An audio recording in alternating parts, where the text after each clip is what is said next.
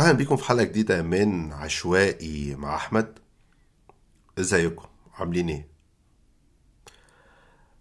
كنت بفكر إنه يعني إحنا داخلين في السنة الجديدة. وعمال أنا بكلمكم كام حلقة الأخيرة عن السنة الجديدة واحساس السنة الجديدة ال- ما شاء الله طلعت تخشينه يعني تخشينه مع الخازوق. المهم كنت بفكر يعني إزاي إنه آه، موضوع البودكاست ده سواء لما ابتديته الأول آه، حوارات على يوتيوب وبعدين دلوقتي بشكل صوتي. بص لقيت الوقت بيجري يعني دخلنا في ثلاث سنين. والحقيقة عايز أشكر كل الناس اللي سمعوا أو بيسمعوا على آه، وقتهم وعلى اشتراكهم معايا في الرحلة دي. واللي كانت مليانة بال- بالمفاجآت والحاجات الجديدة اللي اكتشفتها جوايا وجوا الآخرين. وكانت فرصة مذهلة الحقيقة يعني إنه تعرفت في بسبب البودكاست في في الكام سنة الأخيرة بناس من مختلف الخلفيات والتخصصات منهم اللي بقوا آه، أصدقاء. و وجميل إن الواحد آه، يلاقي صوت بيرد عليه. وخلايا عصبية كده بتمتد وتنمو وتتصل. وفي نفس الوقت برضو من الحاجات الجميلة في الثلاث سنين اللي فاتوا دول إنه آه، الواحد مش بيسبح يعني لوحده يعني. آه، بالعكس البودكاست العربي آه، والمحتوى العربي اللي من النوع ده مش هقول بيتطور لأن هو طول الوقت بيتطور بس مؤخرا بقيت ألاقي أكتر حاجات تشدني أنا أو أو أو تهمني أنا. يعني طبعا من سنين من أول ما ظهر كان آه، الشكل اللي شفنا عليه البودكاست آه، كلته كان جاي من محطات تلفزيونية أو منصات إعلامية آه، مستقرة. ف يعني الحاجات بقى اللي هي بتعملها أي platforms كبيرة يعني سواء حاجات اللي مدعومة من دول زي المحطات الإخبارية الكبيرة أو حتى يعني المؤسسات الإعلامية الصغيرة اللي واخدة تمويل من هنا أو هناك. والشكل ده كان بيخلي المحتوى scripted كأنه نص مكتوب طول الوقت. بس مؤخرا بقى في حاجة شغل كتير آه، تلقائي جدا. يعني مثلا بحب طبعا آه، بلال آه، فضل البودكاست بتاعه. مش عايز اقعد أقول اسامي لأنه أنا. يعني بفكر في موضوع تاني في حلقة تانية عن البودكاست العربي ده كله عموما وإيه السوق في سوق بيتشكل كده آه، وفي تجاذبات وفي مساحة للأفراد واللعب بس هنتكلم عن ده في حلقة تانية بس عايز أقول كل ده إنه الحلقة بتاعت النهاردة مهداة بشكل خاص للصديقان العزيزان آه، آدم مكيوي وأيمن الزرقاني. والبودكاست الرائع الرائع الرائع اللي بنصح بيه يعني أي حد آه، مهتم أو غير مهتم بوست غير مفيد وغير مهم على رأي آدم إنه يعني اسمعه هو بودكاست صرصرة فنية. قال لي ده أيمن بقى وعلي وعم... أيمن وآدم وعملت شاي فاخد شفطة الأول.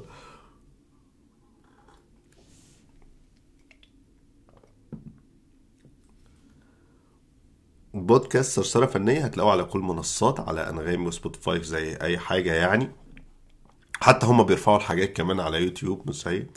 وهو يعني صعب الحقيقة يعني محاولة تلخيصه لكن كل حلقة آه،.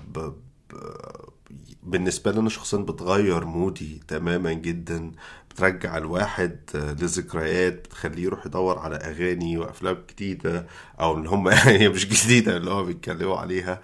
وفي طبعا حالة التداعي الحر من الاتنين أكتر حاجة ممتعة. فالحلقة دي مهداة ليهم آه بس أنا مش في شطارتهم أنا مش دم خفيف زيهم ولا حتى يعني متخصص قوي في المنطقة دي. آه لكن بقالي فترة آم، يعني عندي اهتمام خاص بال- بالخديوي عباس حلمي وفترته وشغال على حاجة يعني بكتبها قربت أخلصها عن عن الموضوع ده. بس كمان آه، في النص متكعبل طبعا وبقالي فترة بسمع بقالي آخر سنة أو سنتين بسمع بكثافة شديدة جدا منيرة المهدية وتسجيلات اسطوانات أغاني من الفترة دي اللي هي بداية القرن يعني من 1900 ل 1920 و... وطبعا تجدد الشغف والولع القديم الذي لا ينطفئ عندي آه، تجاه الست منيرة المهدية. فالحلقة دي عن آه، السلطانة آه، منيرة المهدية وتأثرا آه، بنمط وشغل حلقات صرصرة فنية لآدم والعزيزان أيمن تترا ترا بعد الفاصل منيرة المهدية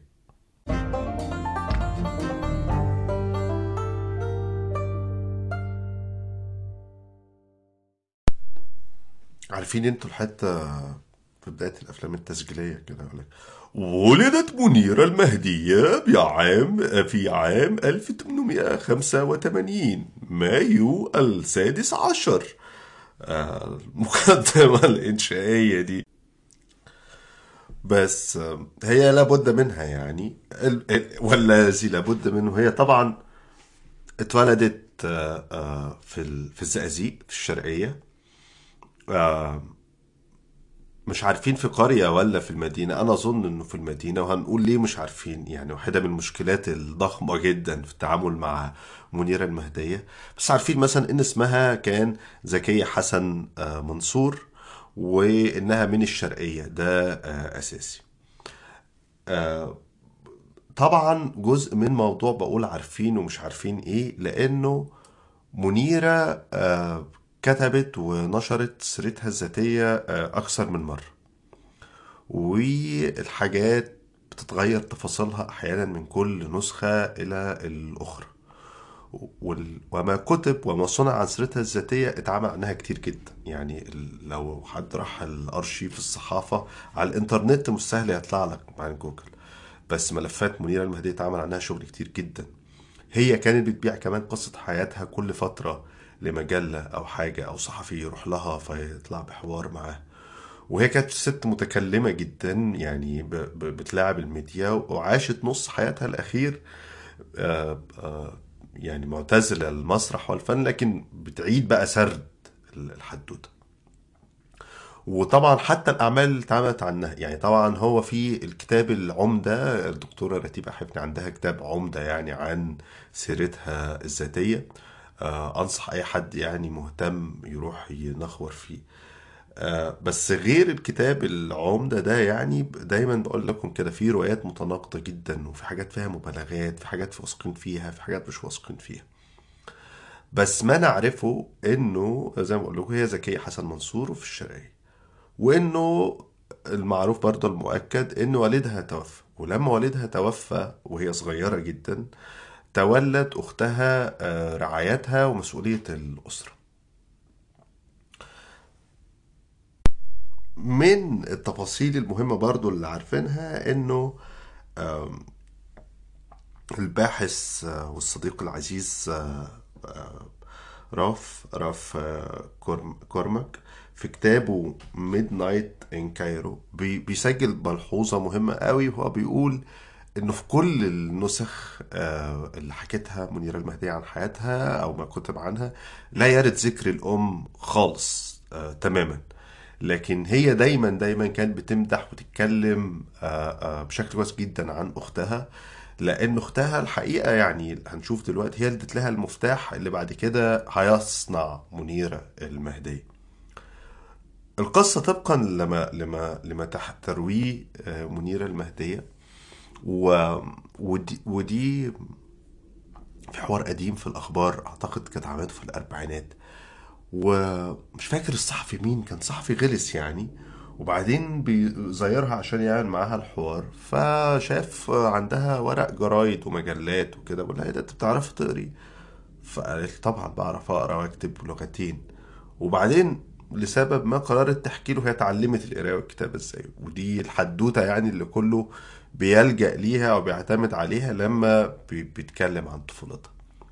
فهي بتقول إنه أختها الكبيرة اللي هي تولت مسؤولية الأسرة دي كانت غير متعلمة أصلا. لكن لما أبوها توفى آه، خدت على عاتقها مسؤولية إنها لازم تعلمهم كلهم. ومنيرة كانت الأصغر. فهي الأول كانت بتبعتها مدرسة واضح ما بنعرفش ما اسمها بس واضح إنها كانت مدرسة رهبات هنعرف بعدين. ومنيرة يعني بعد فترة بتروح المدرسة ومش عارف إيه زهقانة يعني قرفانة من المدرسة دي. فبقت تعمل إيه؟ بقت آه تسيب البيت الصبح. آه الكلام ده إحنا بنك يعني بنتكلم وهي طفلة سنها أقل من 12 سنة يعني 10 سنين. تنزل ويمكن أصغر من كده تنزل الصبح وبعد ما تمشي بره الشارع يعني تبقى بعيد عن نظر أختها تقوم فاتحة الشنطة بتاعتها ومطلعة هدوم عادية لابساها وفوق بتاع المدرسة. تروح تقابل أصحابها وتطلع تصيح تتمشى في الشوارع تزوغ من المدرسة يعني. وبعد ما اليوم يخلص وهي مرجعة تقول لك إيه كانت تروح تعدي على محل بقالة أو محل مش عارف حبر أو أقلام وتلعب في الحبر وكده مش عارف عشان تعك إيديها يعني حبر. ولما ترجع المدرسة يبقى كله تمام. وبعدين وهي آه آه بعد فترة المدرسة بعتت لأختها قالت لها فين منيرة وما بتجيش ليه ومش عارف إيه فالتانية طبعا اتخضت البنت بتروح فين؟ فلما كلمتها منيرة قالت لها أصل أنا ما بحبش المدرسة دي أصل هم بيضربوني وبيغلسوا عليا ومش عارفة إيه لها آه بس أنت يعني هي آه الأول الأول صح استنوا لحظة. الأول هي منيرة قالت لها لا أنا بروح المدرسة. قالت لها طب أنت خدت إيه في المدرسة؟ فمنيرة المكارة أول حاجة قالتها لأختها قالت لها آه، بصلاة مسيحية. يعني هم مدرسة رهبات فواضح إنه كان في جزء ال ال الأطفال والبنات الغير مسلمات يعني بيصلوا الصلاة والمسلمات ما كانوش بيصلوا. بس هي من كتر ما هي ذاكرتها قوية جدا مجرد إنها سمعتها مرة فكانت حافظاها. فقعدت قدام أختها تغني لها ال- الصلاة وتقول لها يعني الصلاة المسيحية دي. وأختها طبعا أحرجت جدا. هم المفروض مسلمين يعني. ف وبالتالي قامت قايلة لها بعدها منيرة ده هما كمان بي... بي... بي- بيضربوني وبيضايقوني ومش عارف إيه وبالبلدي يعني بالبلدي بيتنمروا عليا. فودتها مدرسة فكان القرار بتاع أختها إنها ودتها مدرسة تانية وفضلت لسنوات بتاخدها الصبح من إيديها تمسكها لحد ما توديها بالمدرسة وبعدين ترجع تاخدها من المدرسة عشان تتأكد إن هي في المدرسة بتاعتها. وفضلت ورا وإصرار على تعليمها ده لحد ما منيرة اتعلمت وبقت بتعرف تقرأ وتكتب. أول ما بقت بتع- ما بتعرفش تقرأ وتكتب بتعرف تقرأ وتكتب يعني سابت المدرسة. لما سابت المدرسة طبعا إحنا هنا بنتكلم على على إمتى الفترة دي. إحنا بنتكلم على يعني نقول أكيد بعد من 1895 تمام. يعني ببساطة شديدة الفترة اللي هي بقى إيه بداية عباس حلمي الثاني الخديوي عباس حلمي الثاني اللي هو أصلا السبب اللي وصلني منيرة المهدية. و آه، آه، دي فترة آه، ثرية جدا آه، على مستويات كتير قوي.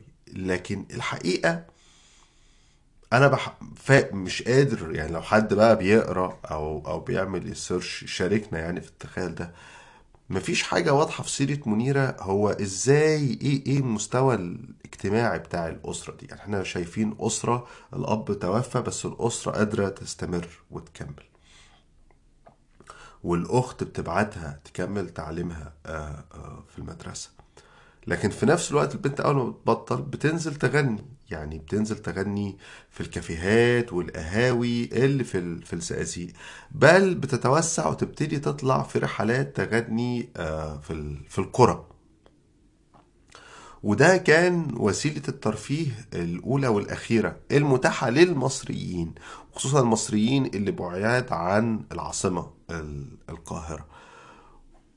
بس بنعرف كمان إنه الغنى اللي هي كانت بتغنيه ده ما كانش مثلا زي الجو بتاع أم كلثوم اللي هي كانت بتغني تواشيح دينية وحاجات ذكر وكده. لا هي كانت بتغني بت يعني بتقول إنها كانت بتغني أغاني آه طربية. تمام؟ يعني بتغني أغاني عاطفية وبتغني أغاني آه آه موشحات قديمة بيعاد تقديمها أو أغاني مشهورة من الفترة ديت للشيخ سلامة حجازي أو غيره. تمام كده؟ فضلت تغني آه، في الزقازيق لحد طبعا القصة المعروفة عندنا يعني أو الثابتة إنها فضلت تغني في الزقازيق لحد ما في حد من مصر تاجر يعني من مش مش تاجر واحد عنده آه، قهوة في مصر. كان في زيارة في الزقازيق فشافها سمعها فأول ما سمعها قال لها لا أنت لازم تيجي تشتغلي معايا في القاهرة.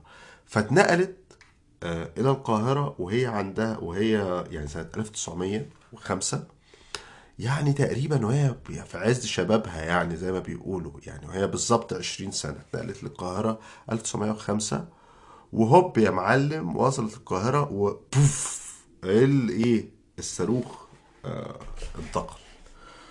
فاصل ونواصل. تترا ترا. طيب مهم علشان ننقل على المرحلة دي إنه نتكلم شوية حوالين المناخ السياسي والإنتاج الفني والثقافي بتاع الفترة دي. وكله طبعا مرتبط بيه زي ما قلت بعباس حلمي آه التاني. طبعا مش مش عايز أرجع كتير قوي بس مثلا إحنا عندنا عارفين إنه الإنجليز دخلوا مصر 1882 ده كان وقت توفيق باشا وأحمد عرابي والليلة دي كلها. عباس حلمي التاني اللي هو كان ابن توفيق الأكبر. كان بيتعلم في أوروبا في, في فيينا عاش كل حياته هناك. هو كمان كان رجل ذو ذوق أوروبي يعني. لكن في نفس الوقت قريب جدا من الأتراك وعلى علاقة وطيدة وعلاقات شخصية مع السلطان وحاشيته وكان بيدرس في فيينا لحد ما جات له البرقية إنه ارجع حالا أبوك مات توفيق. رجع مصر وتولى العرش ومسؤوليته عام 1892 ده راجل أنا في رأيي إن هو كان ذكي جدا جدا جدا جدا. وإنه يعني في سلالة محمد علي كلها هو أذكاهم ويليه فاروق. ويليه فؤاد يا ربي تمام. وهو كمان غير ذكائه يعني السياسي وبشكل تقدمي كمان غير ده هو كمان كان عنده ولع شديد جدا بالحيوانات وبالتكنولوجيا. يعني بالتكنولوجيا وبالعلم وعنده خيال وقدرة تخليه يقدر يشوف أثرها البعيد والأسباب اللي من أجلها الناس وده نفس على فكرة نفس الحاجة برضو كانت عند عند فؤاد الولع بالتكنولوجيا ده. وعلشان كده لما بتيجي تقرأ في التاريخ بتاع مصر لك آه إنه تاني عرض سينما في العالم بعد فرنسا كان في مصر. إنه تالت مش عارف بس إذا كل ده بسبب بشكل خاص حلمي. هو كان عنده ولع شديد جدا بالتكنولوجيا بالاتصالات اللاسلكية الفونوجراف السينما كل الحاجات ديت دخلت في وقته. وكان هو بيشجع كمان العائلة المالكة يعني ظاهرة إنه العائلة المالكة العائلة العلوية يعني. إنه يبتدوا يبقى ليهم الأفرع الأمراء وأمراء صغيرين أستاذ يبقى ليهم أفرع وأعمال بره نطاق الأعمال والحسنات الخيرية يبقى ليهم شغل في التعليم في ال في ال في, ال في التربية في العلم في دعم البحث العلمي أو كذا ابتدى برضو من وقتها. وكمان غير ولعه ده وذكائه شديد جدا هو كمان جاء لقى نفسه في معضلة. أبوه دخل الإنجليز علشان ينقذ العرش. هو في النص ما بين الإنجليز وما بين الأتراك. يعني هو مثلا لما وصل مصر لازم يستنى فرمان الصدر الأعظم يجي علشان يتم تنصيبه وطبقا للفرمان القديم اللي خده محمد علي من السلطان العثماني. فالابن الأكبر للملك هو اللي بيبقى الخديوي فعشان كده كان تم تعيينه. فهو شرعيته جاية من هناك. بل انه وقتها كان في حاجات في مصر هو ما يقدرش يعينها. ولا ولا يقدر يتدخل فيها. يعني أنتوا عارفين مثلا يقول لك الخط قوانين الخط الهيموني ومش عارف إيه والحاجات دي. ديت كان في أعمال سيادة لا أو أعمال آآ آآ آآ تتعلق بالشرعية لازم تيجي من ال من ال من من الخليفة يعني التركي. زي تعيين قاضي القضاء ومناصب تانية دينية إلى آخره. وفي نفس الناحية التانية عنده الإنجليز اللي هم بقى راكبين ومدلدلين وقاعدين يعصروه يعصروه تماما. وكانوا بيورطوه في حاجات يعني هو مثلا كان شايف إنه طبعا لما حصلت الثورة المهدية في السودان آه والإنجليز اتفشخوا يعني فالإنجليز راحوا أجبروه إنه الحملة بتاعت يعني إعادة احتلال السودان اللي هي بقى بيسموها الوحدة هنا كمان عصر عباس حلمي ده هو بداية مثلا الأسطورة بتاعت وحدة مصر والسودان. تمام؟ يعني هو قبل كده عادي هي هي مستعمرة سواء وقت محمد علي أو وقت أبنائه الحملات المتعددة هي كلها حملات. هو متعامل إن هو حملات هو راح يستعمر ال- المكان يعني أو يفتحه وعباس حلمي اللي ابتدى يتكلم على الوحدة وده علشان هنعرف قدام ليه؟ علشان كمان هو كان أول حد يطالب بحكم نيابي يعني بإن الحكومة تبقى معينة من مجلس نيابي منتخب وإنه ده يبقى بيجري على الاتنين على مصر والسودان لكن ده موضوع تاني معقد مش وضعنا دلوقتي. الوضع دلوقتي إن هو مثلا من الحاجات اللي بحكيها دول الإنجليز ورطوه آه آه إنه أنت اللي تصرف على الحملة بتاعة السودان وقهر الثورة المهدية والجيش المصري اتورط هناك. وراح اتورط في مذابح منيلة بستين نيلة وإلى آخره. بس على الجانب الآخر هو لما لقى نفسه بين تركيا وبين العثمانيين وبين الإنجليز ابتدى يبص لظهره هو المصريين وابتدى يستثمر بشكل ذكي جدا ويحرك الخطوط من أجل خلق السردية الأولى بتاعت الوطنية المصرية الحديثة. وأنا في رأيي طبعا إن كل ما يعني آه، الالتيمات الأساسية والأفكار الأساسية اللي بتشكل الأفكار المنظومة الوطنية المصرية ممكن نرجع جذورها للفترة ديت ولا عباس مش عباس حلمي شخصيا ما هو عباس ما كانش بيتحرك لوحده هو الراجل ذكي جدا. يعني هو هيزق سعد زغلول يعمل حاجة هنا. وهيسوق آه، من قبليه مصطفى كامل والحزب الوطني يعملوا حاجة هنا. وهيدعم مش عارف المجموعة دول علشان مشروع آه، آه، انهم يعملوا جامعة. وهيدعم المجموعة دول علشان شركات اسطوانات تيجي وتبتدي تسجل أغاني للمصريين. وبيعمل مناورات شديدة الذكاء طول الوقت. وبعدين كان داخل بقى في تحدي مع اللورد كرومر. تحدي يعني آه، زي يعني كان بي- بيشتموا بعض ويسبوا بعض وي- وي- ويهددوا البعض طول الوقت. فابتدى يتشكل حواليه كده هالة كمان الناس كانت بتحبه يعني بتحبه جدا جدا. ودايما الأساطير المؤسسة لل- للوطنية المصرية أساطير الفلاحية هي بترجع دايما الفترة بتاعت آه، السلطان حسين. يعني لسه مثلا حتى كنت بتفرج على أدهم الشرقاوي. في فيلم تسجيلي نزل على قناة الوثائقية جديد كنت بتتفرج عليه عن أدهم الشرقاوي. فالحادثة الأولى المؤسسة يعني له إنه آه آه لما كان طفل في مدرسة وتم تعيين السلطان حسين السلطان حسين ده هو اللي جه بعد الخديوي عباس.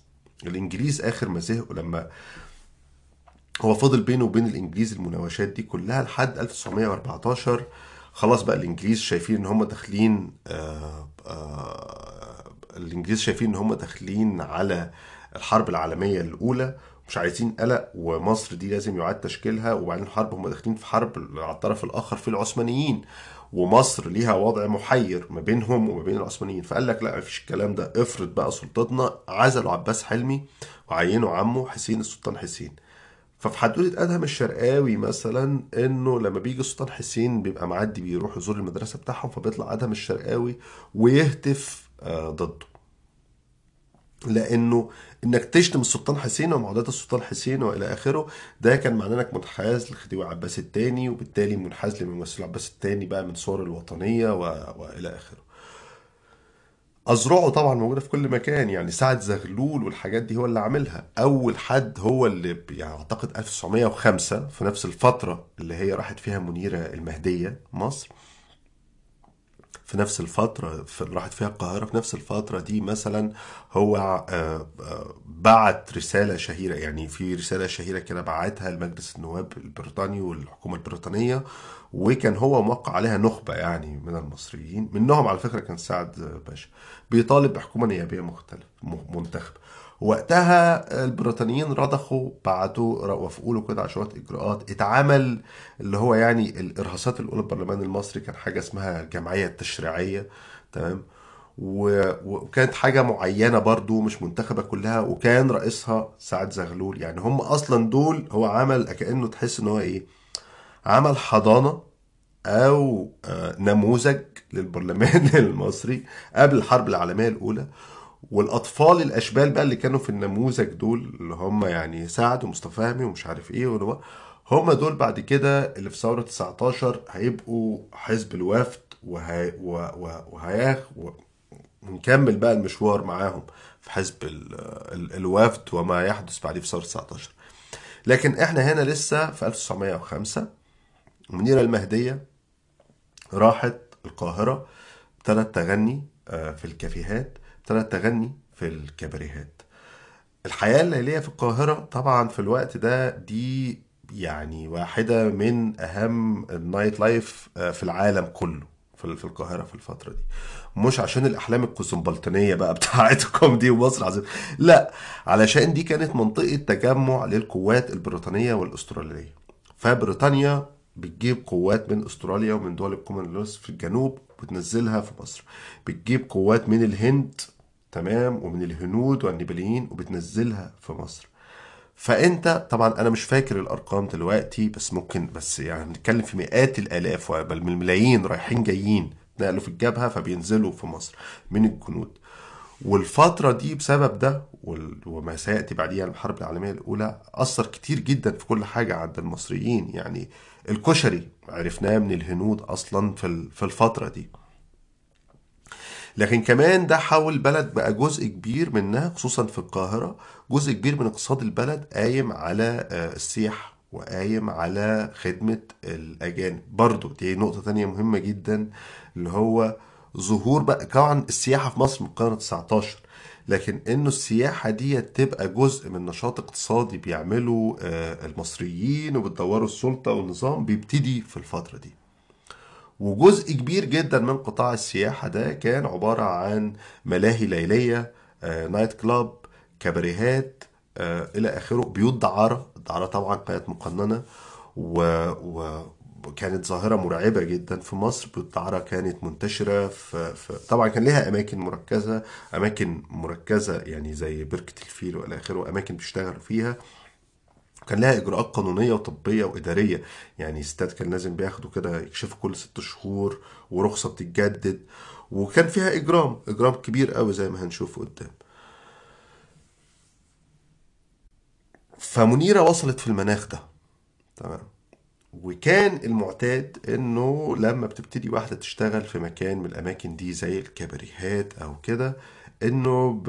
آه هو هي يعني الجمهور بيروح بيتفرج على ستات رقصات آه بيرقصوا أو بيغنوا أو بينكتوا أو بيقولوا إفيهات يعني يعني من المشاهد القديمة الكلاسيك اللي اللي إحنا بعد كده يعني لو حد شافوا الأفلام القديمة بتاعت إسماعيل ياسين هيستغربوا يعني اللي هو اتنين قاعدين اتنين بشا ممكن يبقوا بشوات يعني محترمين قاعدين في البتاع فيبتدوا يقولوا إفيهات على بعض عشان يضحكوا نفسهم ويضحكوا اللي حواليهم. حاجة يعني طبعا في منتهى البؤس.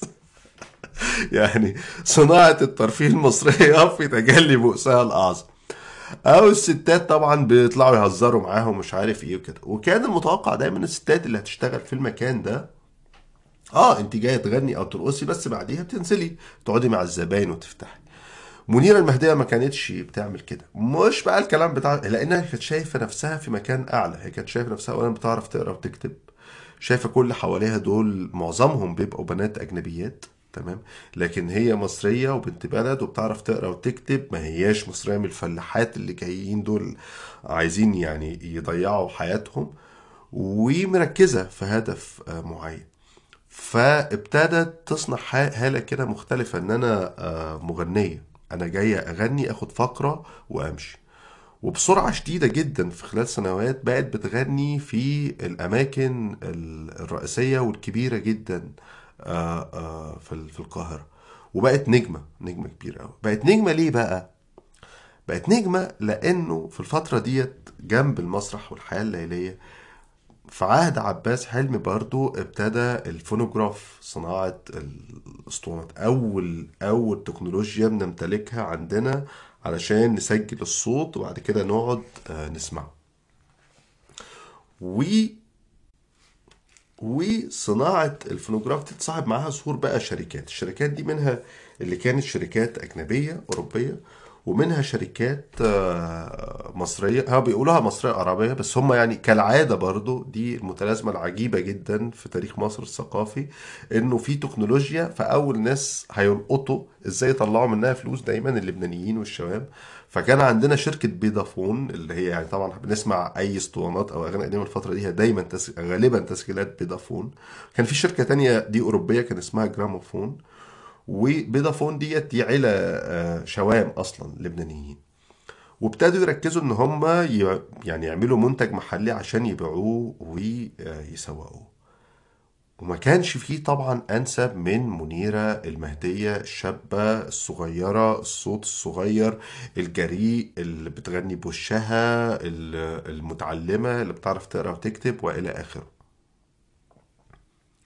فابتدت تسجل الأسطوانات. ومع تسجيل الأسطوانات بقت هوب نجمة الأسطوانات الأولى. صوتها في كل مكان.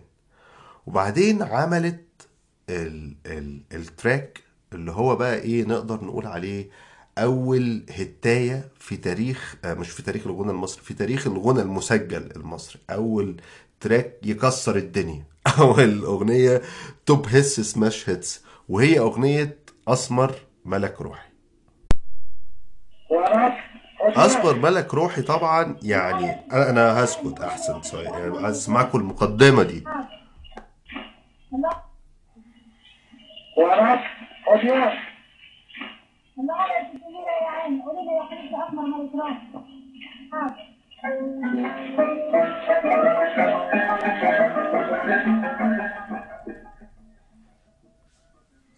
أسمر ملك روحي بقى طبعا دي كسرت ال- الدنيا.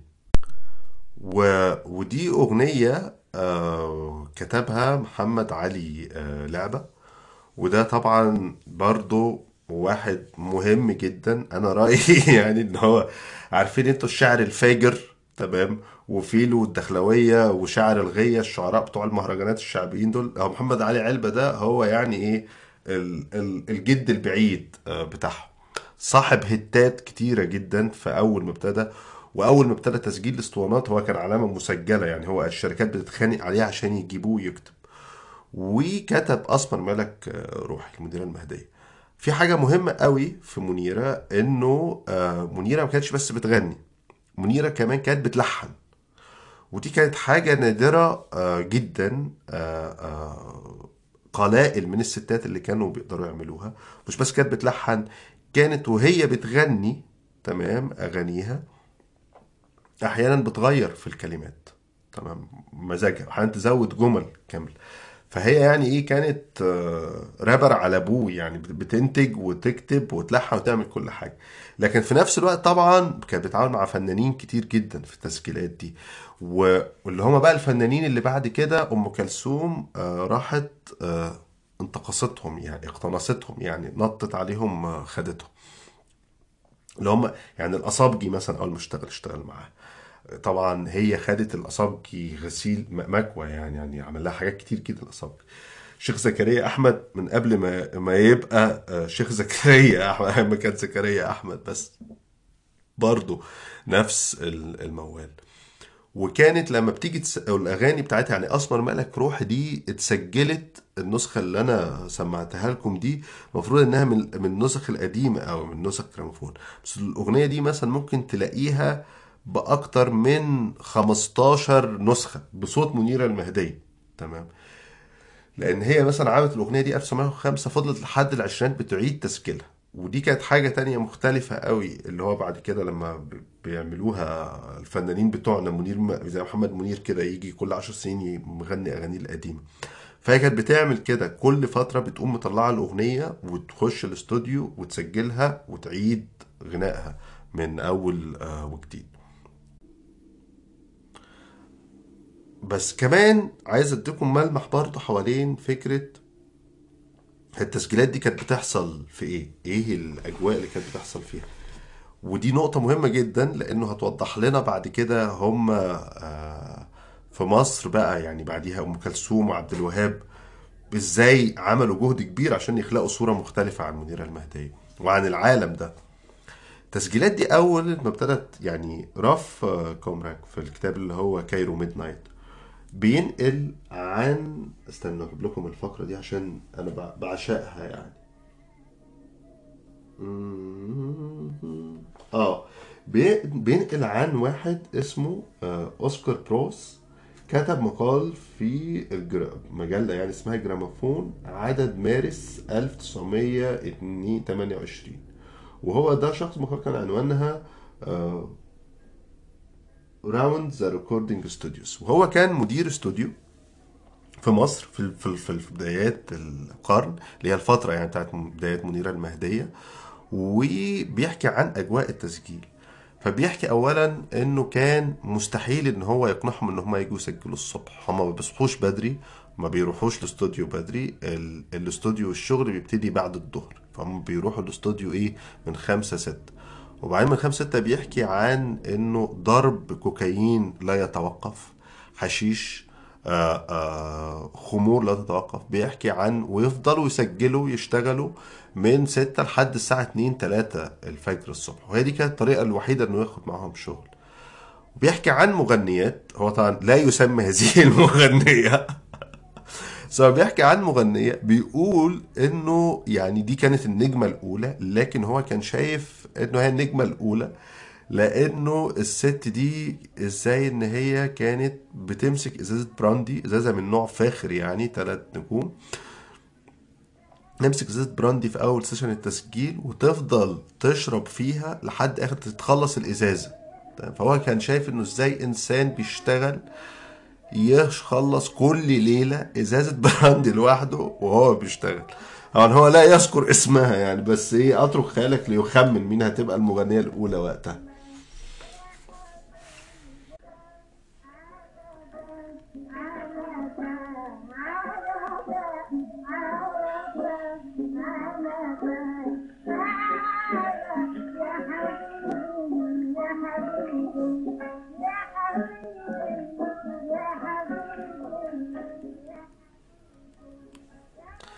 طبعا ليه أنا توقفت قدام أنا بقيت بقول طبعا كتير قوي صح؟ زهقتكم اعتبروها لازمة طبعا آه، أسمر ملك روحي دي بقول لكم بقى دي أغنية مهمة؟ لأنه زي ما قلت لكم دي الأغنية كانت الهيت الأولى في تاريخ الغنى المصري. بس كمان الأغنية ديت جت في مرحلة يعني أنا بتكلم عن 1910 كده كان ابتدى اللي هي بقى المرحلة اللي هو حصل إيه؟ اللورد كرومر عنده آه، جملة كده شهيرة يعني إنه بيحكي عن الفترة دي فبيقول إنه لما ابتدت مطالبات المصريين إن هم عايزين حكومة نيابية وعايزين ديمقراطية وعايزين مش عارف إيه وإنهم مش مبسوطين والخديوي عباس التاني بيضايقوا فقال لك فهو قال لك أنا مش فاهم ال- اللي بيحصل. أنا جيت مصر دي بقالي 20 سنة وأنا ما أعرفش آه، أعرف نوعين في مصر أعرف البشوات وأعرف الفلاحين. تمام. الناس بتتكلم دول اللي هم الأفندية أنا اللي ما أعرفهمش. تمام. فهي الفترة دي اللي ابتدى يتشكل فيها بقى إيه؟ الأفندية دول. الخديوي عباس عمل إصلاحات آه، كبيرة جدا في الجهاز الإداري في الدولة. نتج عنها توسع في التعيينات في الجهاز الإداري. تمام في الدولة. وإصلاحات في الأزهر وإصلاحات في التعليم. فنتج عليها ارتفاع محدود في مستوى التعليم. توسع واعاده فتح تاني المدارس وتوسع في تعليم البنات والفتيات وتعليم ال- الرجالة وتشغيلهم في وظائف كتابية يعني. وكان في شوية استقرار آه، سياسي قدر يحصل فيه تراكم ثروة فكان في طبقة تجار وتجارة قطن وإلى آخره. فابتدى تظهر الطبقة الجديدة ديت من الأفندية ال- المصريين اللي هم متعلمين بيعرفوا يقروا بيكتبوا بينشروا مجلات بيبتدوا يفكروا هو يعني إيه مصري يعني إيه مصريين. وبيبتدى يتشكل كده ملامح للهوية الجديدة دي. فكلمة أسمر اللي هي لما اللي هي في الأغنية منيرة المهدية بتغني لواحد أسمر ملك روحي كلمات كاتبها محمد علي الأسمر ملك روحي حبيبي تعالى بالعجل مسافر على مين؟ واخد مهجتي حبيبي وياك رايح على فين؟ وإلى آخره إلى آخره. تمام؟ طبعا في النص هي. هي بتكلم حبيبها لكن هي في النص تقول له تقول مثلا تخبط أحيانا تقول آه يا ضنايا. تمام. آه آه ما تفهمش في في علاقة كده أمومية مع علاقة حب في الموضوع بتحصل. لكن أهم ما بيحصل إنه بقول لكم في نفس الوقت كلمة أسمر ابتدت تبقى مرادف للمصري. يعني عشان يبقى في تمييز بين حك... بين اتنين. في البيض اللي هم الأتراك وفي الحمر اللي هم الإنجليز. هم عشان الشمس يعني شاوياهم قالياهم و- ولفظ أسمر في الفترة دي ابتدى يبقى دارج بمعنى المصري. فهي لما بتقول أسمر ملك روحي في كمان هي دي أغنية عاطفية لكن مستخبي فيها يعني آه، آه، معاني وطنية آه، واضحة جدا. ودي حاجة هتفضل لازمة لمنيرة طول الوقت بتلعب بيها. يعني بعدين بقى قدام لما لما سعد زغلول بيتنفى وبيصدر قرار بمنع ذكره أو غنائه فهي مثلا تقوم تقعد هي اللي تعمل بقى الأغاني عن البلح الزغلول وتقعد تغني حبيبي يا زغلول ومش عارف إيه وحاجه كده. فهي طول الوقت عندها القدرة على الميكس دي إنها تمزج السياسي آه، بالعاطفي بالوطني. وتلقط السنس ال- الذبذبة يعني بتاعت الخيال والوعي الجمعي بتاع وقتها. ومن هنا أهمية أغنية آه، أسمر ملك روحي.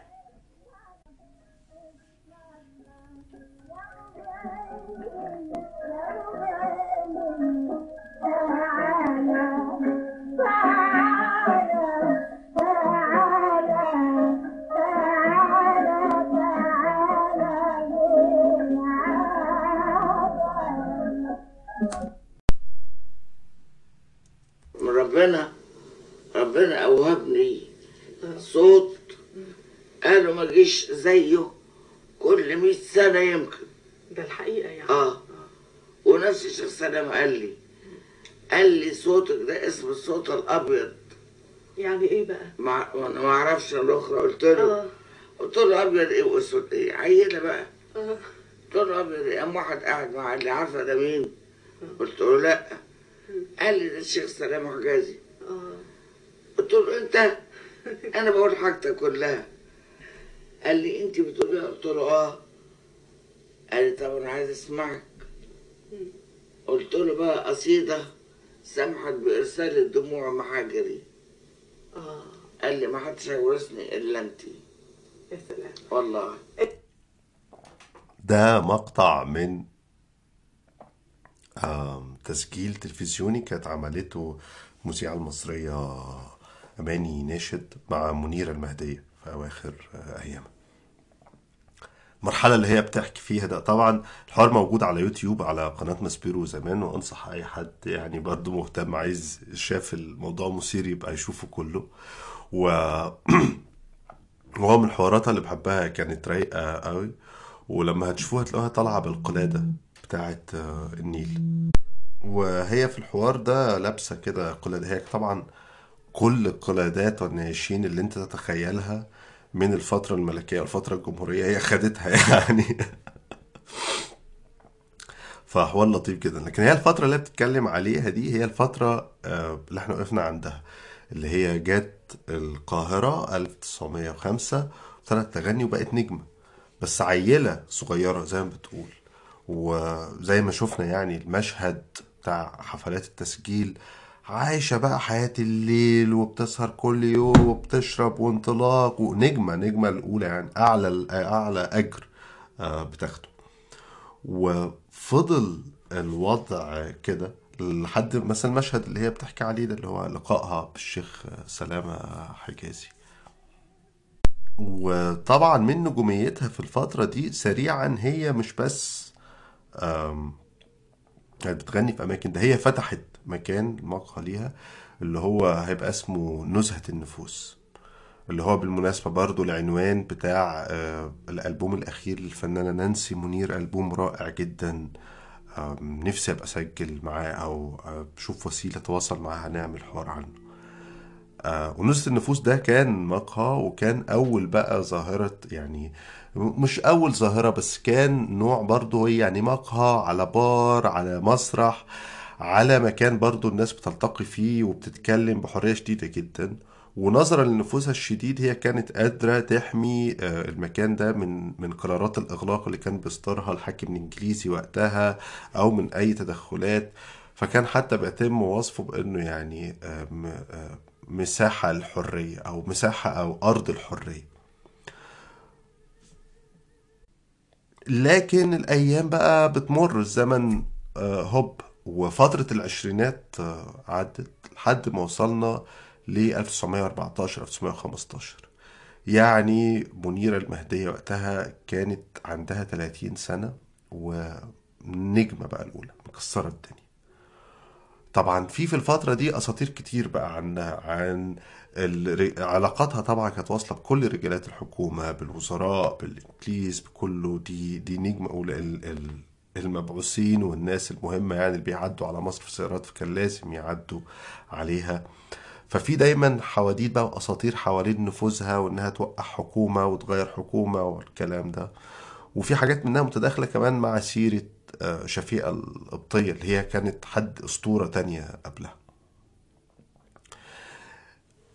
من الأساطير بتاعت المرحلة دي طبعا الأسطورة المتكررة اللي هي يعني بتحكيها وكل كانت بتحكيها بمبالغات شديدة جدا حوالين علاقتها ومصطفى كمال أتاتورك علما طبعا تاريخيا آه مصطفى كمال اتاتورك كان في مصر. ال- ال- الزميل وله زميل ألقي القبض عليه مرة كان سكران.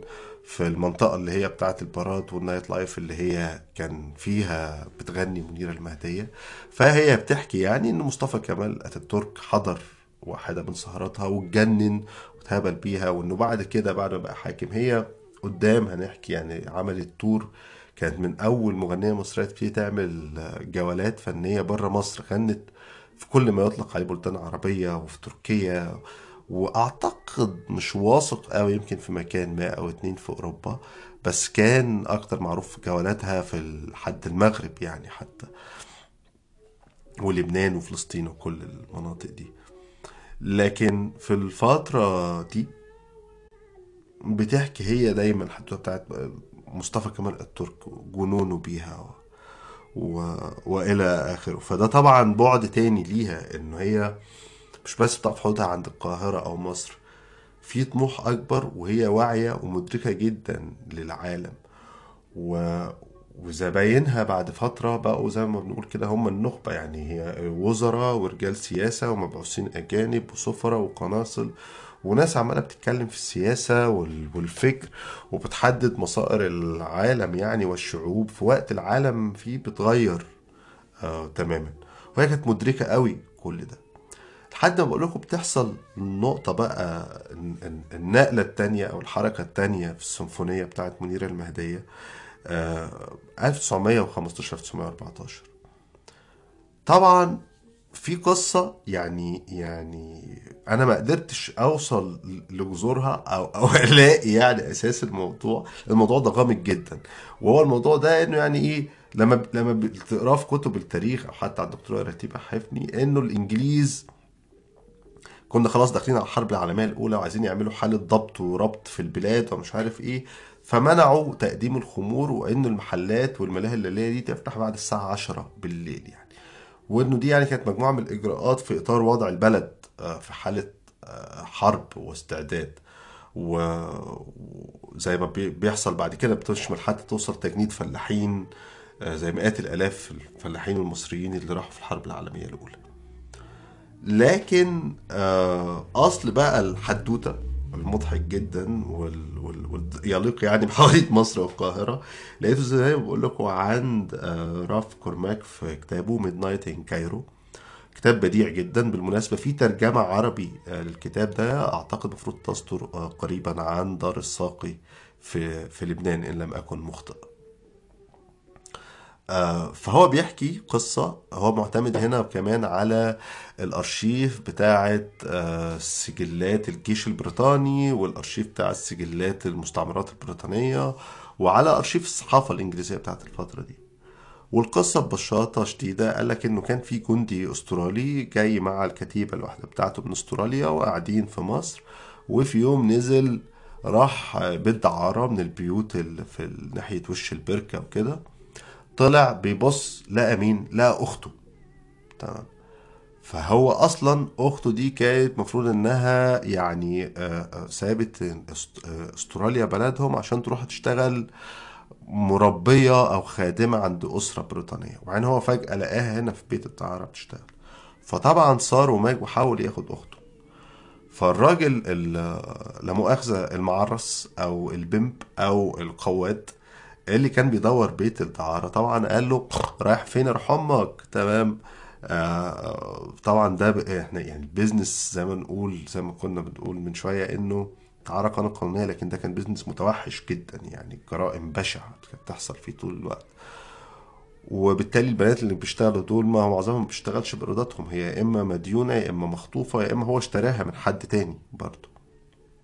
يعني كان في أشكال متعددة جدا من تجارة الرقيق ممكن يبقى واخد ورقها وباسبورها يعني إلى آخره.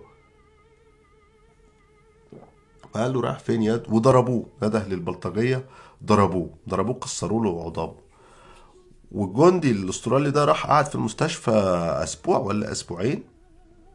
قام بعديها ونزل هم جند أسترالي يا رب. ونزل وهم وهو 500 من الجنود الأستراليين الشجعان ونزلوا على المنطقة دي آه، آه، حصل يعني شغب في السجلات الرسمية يقال إنه استمر. لأيام وليالي يعني يعني يومين ثلاثة كده وحوادث زي إنه آه، بيانو يعني يطلعوا البيوت ويكسروا البيوت وياخدوا كل حاجة في البيوت السراير والدواليب ويحدفوها من الشبابيك والبلكونات فتقع في الشارع فتتكسر ويولعوا في النار وحرايق. طبعا على الفور حاول الجيش البريطاني يحرك البوليس الحربي وجنود البريطانيين. فلما نزلوا حاولوا يهدوا في. في الأستراليين التانيين دول. فيعني طبعا مشهد بقى أنت لك أن تتخيل أنت جند أسترالي. حاجة كده زي ملاحم الفترة دي برضه كانت فترة نكسة يعني. من الناحية التانية كان في ملحمة شفيقة ومتولي.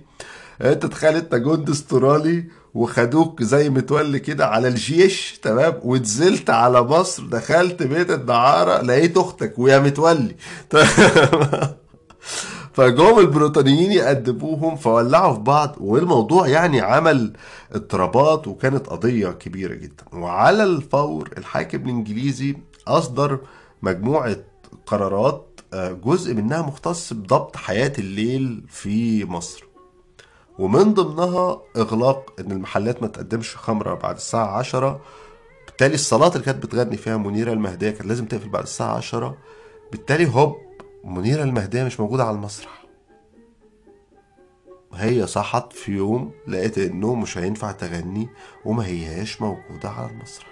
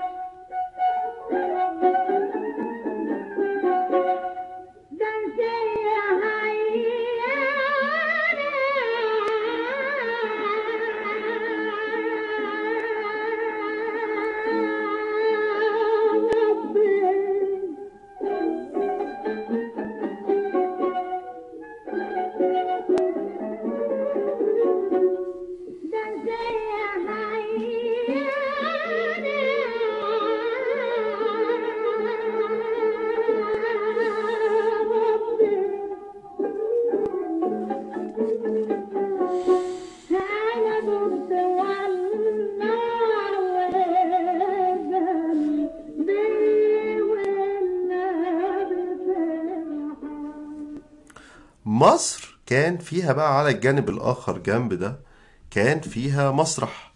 كان فيها حركة مسرحية من منتصف القرن ال 19 طبعا في ناس زي أستاذ فيدريس بيقول من من قبل كده. آه، بس يعني كان فيها حركة مسرحية وكان في مسرح بأشكال متعددة ومخففة يعني. بس الأساس كان آه، زي اللي هو مسرح المنوعات. يعني انت بتروح بالمسرح ده بتطلع حد بيغني وبعديه ممكن ما تشوفش مسرحية كاملة ممكن حتى تشوف مشهد أو مشاهد من مناطق متفرقة. ممكن سكتشات يعني الشخصيات اللي هو كان بيقدمها علي القصار بعد كده يعني بشوية. والممثلين المصري بتوع الفترة دي هو بيخلق شخصية زي الليمبي كده وبيطلع بيعمل مجموعة استكشات وفي النص بقى في يعني تابلوهات غنائية وراقصة وإلى آخره. وفي مسرح اللي كان بيقدم مسرحية رواية آه كاملة. بس لحد الفترة دي 1915 ما كانش فيه ما حصلش إنه آه ستات آه مسلمات تمام يطلعوا على المسرح. وده ما كانش موجود أصلا. المسرحيات حتى نفسها كان معظم المسرحيات لما بقى فيه شخصيات نسائية كانوا بيجيبوا حد يعمل شخصيه نسائية. بس هو أصلا المسرحية كانت ممكن تلاقي المسرحية مكتوبة كلها بشكل إنه ما, ما هي مش محتاجة أي شخصية نسائية. حتى لو في شخصية نسائية هو الرجالة اللي بيمثلوا وبيتكلموا. فبعد قرار الإغلاق ده سنة 1915 بعديه بشهرين بس ظهرت منيرة المهدية على المسرح. طلعت آه، آه، الرواية طبعا زي ما هي في كتاب دكتورة رتيبة إنه آه، عملت فقرة غنائية وبعديها ابتدت المسرحية كانت مسرحية صلاح الدين أو ريتشارد حاجة كده من مسرحيات مسرح التاريخ بتاع العصور الصليبية. وهي طلعت عملت مشهد. والمشهد اللي مثلته طلعت وهي عاملة آه، راجل. وهوب من بعد ده ال- ال- الموضوع يعني زي ما بيقولوا كسر الدنيا أو أو ضرب. من بعد الموضوع ده اتجهت آه، للمسرح. وفي المسرح بقى يا معلم نقلة آه، تاني. طبعا كانت بتعمل اولا كانت تعمل أدوار الرجالة والستات. وممكن كانت في مسرحية تعمل آه الاتنين راجل آه وست. طبعا مش على نفس الستيج يعني بس بتروح تغير أو كده. وكل أدوار ال- البطولة. وتغني يعني كمان تعمل أدائها الغنائي. ويبتدي شغلها الموسيقي آه، يتغير كمان بشكل تاني خالص بشكل مختلف قوي يتغير ليه بقى؟ يتغير ليه بقى؟ طبعا إحنا اتكلمنا إنه جزء كبير من صياغة آه، أسطورتها يعني وشهرتها جاي من إنها كانت بتسجل أسطوانات. في الوقت ده آه الاسطوانات بقى ظهر الاسطوانة اللي هي 78 لفة اللي هي كانت أول البدايات يعني الاسطوانات. وفي الوقت ده آه كانت الاسطوانة دي بتاخد مساحة صغيرة جدا الصوت يعني عدد دقائق. فابتدت تغني التقاطيع تمام. وظهر النوع بقى الموسيقي ده اللي هو الطقطقة بسبب إيه؟ مش بسبب طبعا الناس يقول لك إيه؟ آه سيد درويش وعمل الطقطوقة ومش عارف إيه. مفيش حد عمل حاجة. هو دايما لازم هيبقى فيه آه، آه، رجلين ليه علاقة بعلاقات الإنتاج الثقافي شايله العالم. والتكنولوجيا بقى بتركب فوق كل ده. يعني التكنولوجيا هي بتسوق كمان الاتجاه وبتعيد تشكيل المنتج الفني. طيب في اي حاجة طبعا. فالأسطوانات فرضت الطقطوقة. ومنيرة كانت هي بالأساس نجمة الطقطوقة والطقطوقة ده فعلا طبعا هو عاش عصره الذهبي لحد الثلاثينات مثلا. بس منيرة بتحكي نفسها سواء في مذكراتها أو في حلقات كتير بتتكلم عن شغل الفترة دي عن موضوع الطقطوقات فبتقول إن هي ما كانش فيه أصلا وقتها ال ال النوع ده من يعني ما كانش فيه الأغاني القصيرة. تمام. انت مش عايز كمان أغنية قصيرة انت عايز حاجة بالظبط كيتشي تلقط تمام. لأنه تقاليد الغنى وقتها جاية من الغنى اللايف هي واحدة بتطلع تعمل الوصلة بتاعتها تقعد 45 دقيقة و... وتعيش بقى. يعني تعيد وتزيد وتغير وتطلع وكل حاجة ماشية بهرمونية.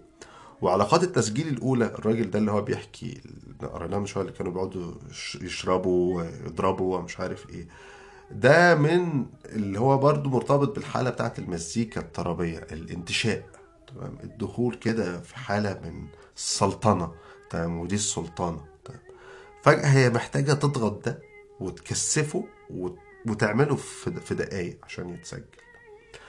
فبتقول إن هي محست إنه مش لاقية الحاجة. فلما رجعت ابتدت شغلها الأولاني في موضوع التقطيع ده ابتدت تبص للأغاني بتاعه الأفراح الأغاني اللي كان بيغنوها في في البلد عندها. وشافت في في النموذج ده بتاع الغنى الشعبي هو أكتر حاجة قدرت تهضم التكنولوجيا وتقدر تهضم شروط التكنولوجيا الجديدة وتصيغ نفسها. ودي حاجة هتفضل متكررة طول الوقت طول التاريخ من ساعة منيرة المهدية لحتى الآن.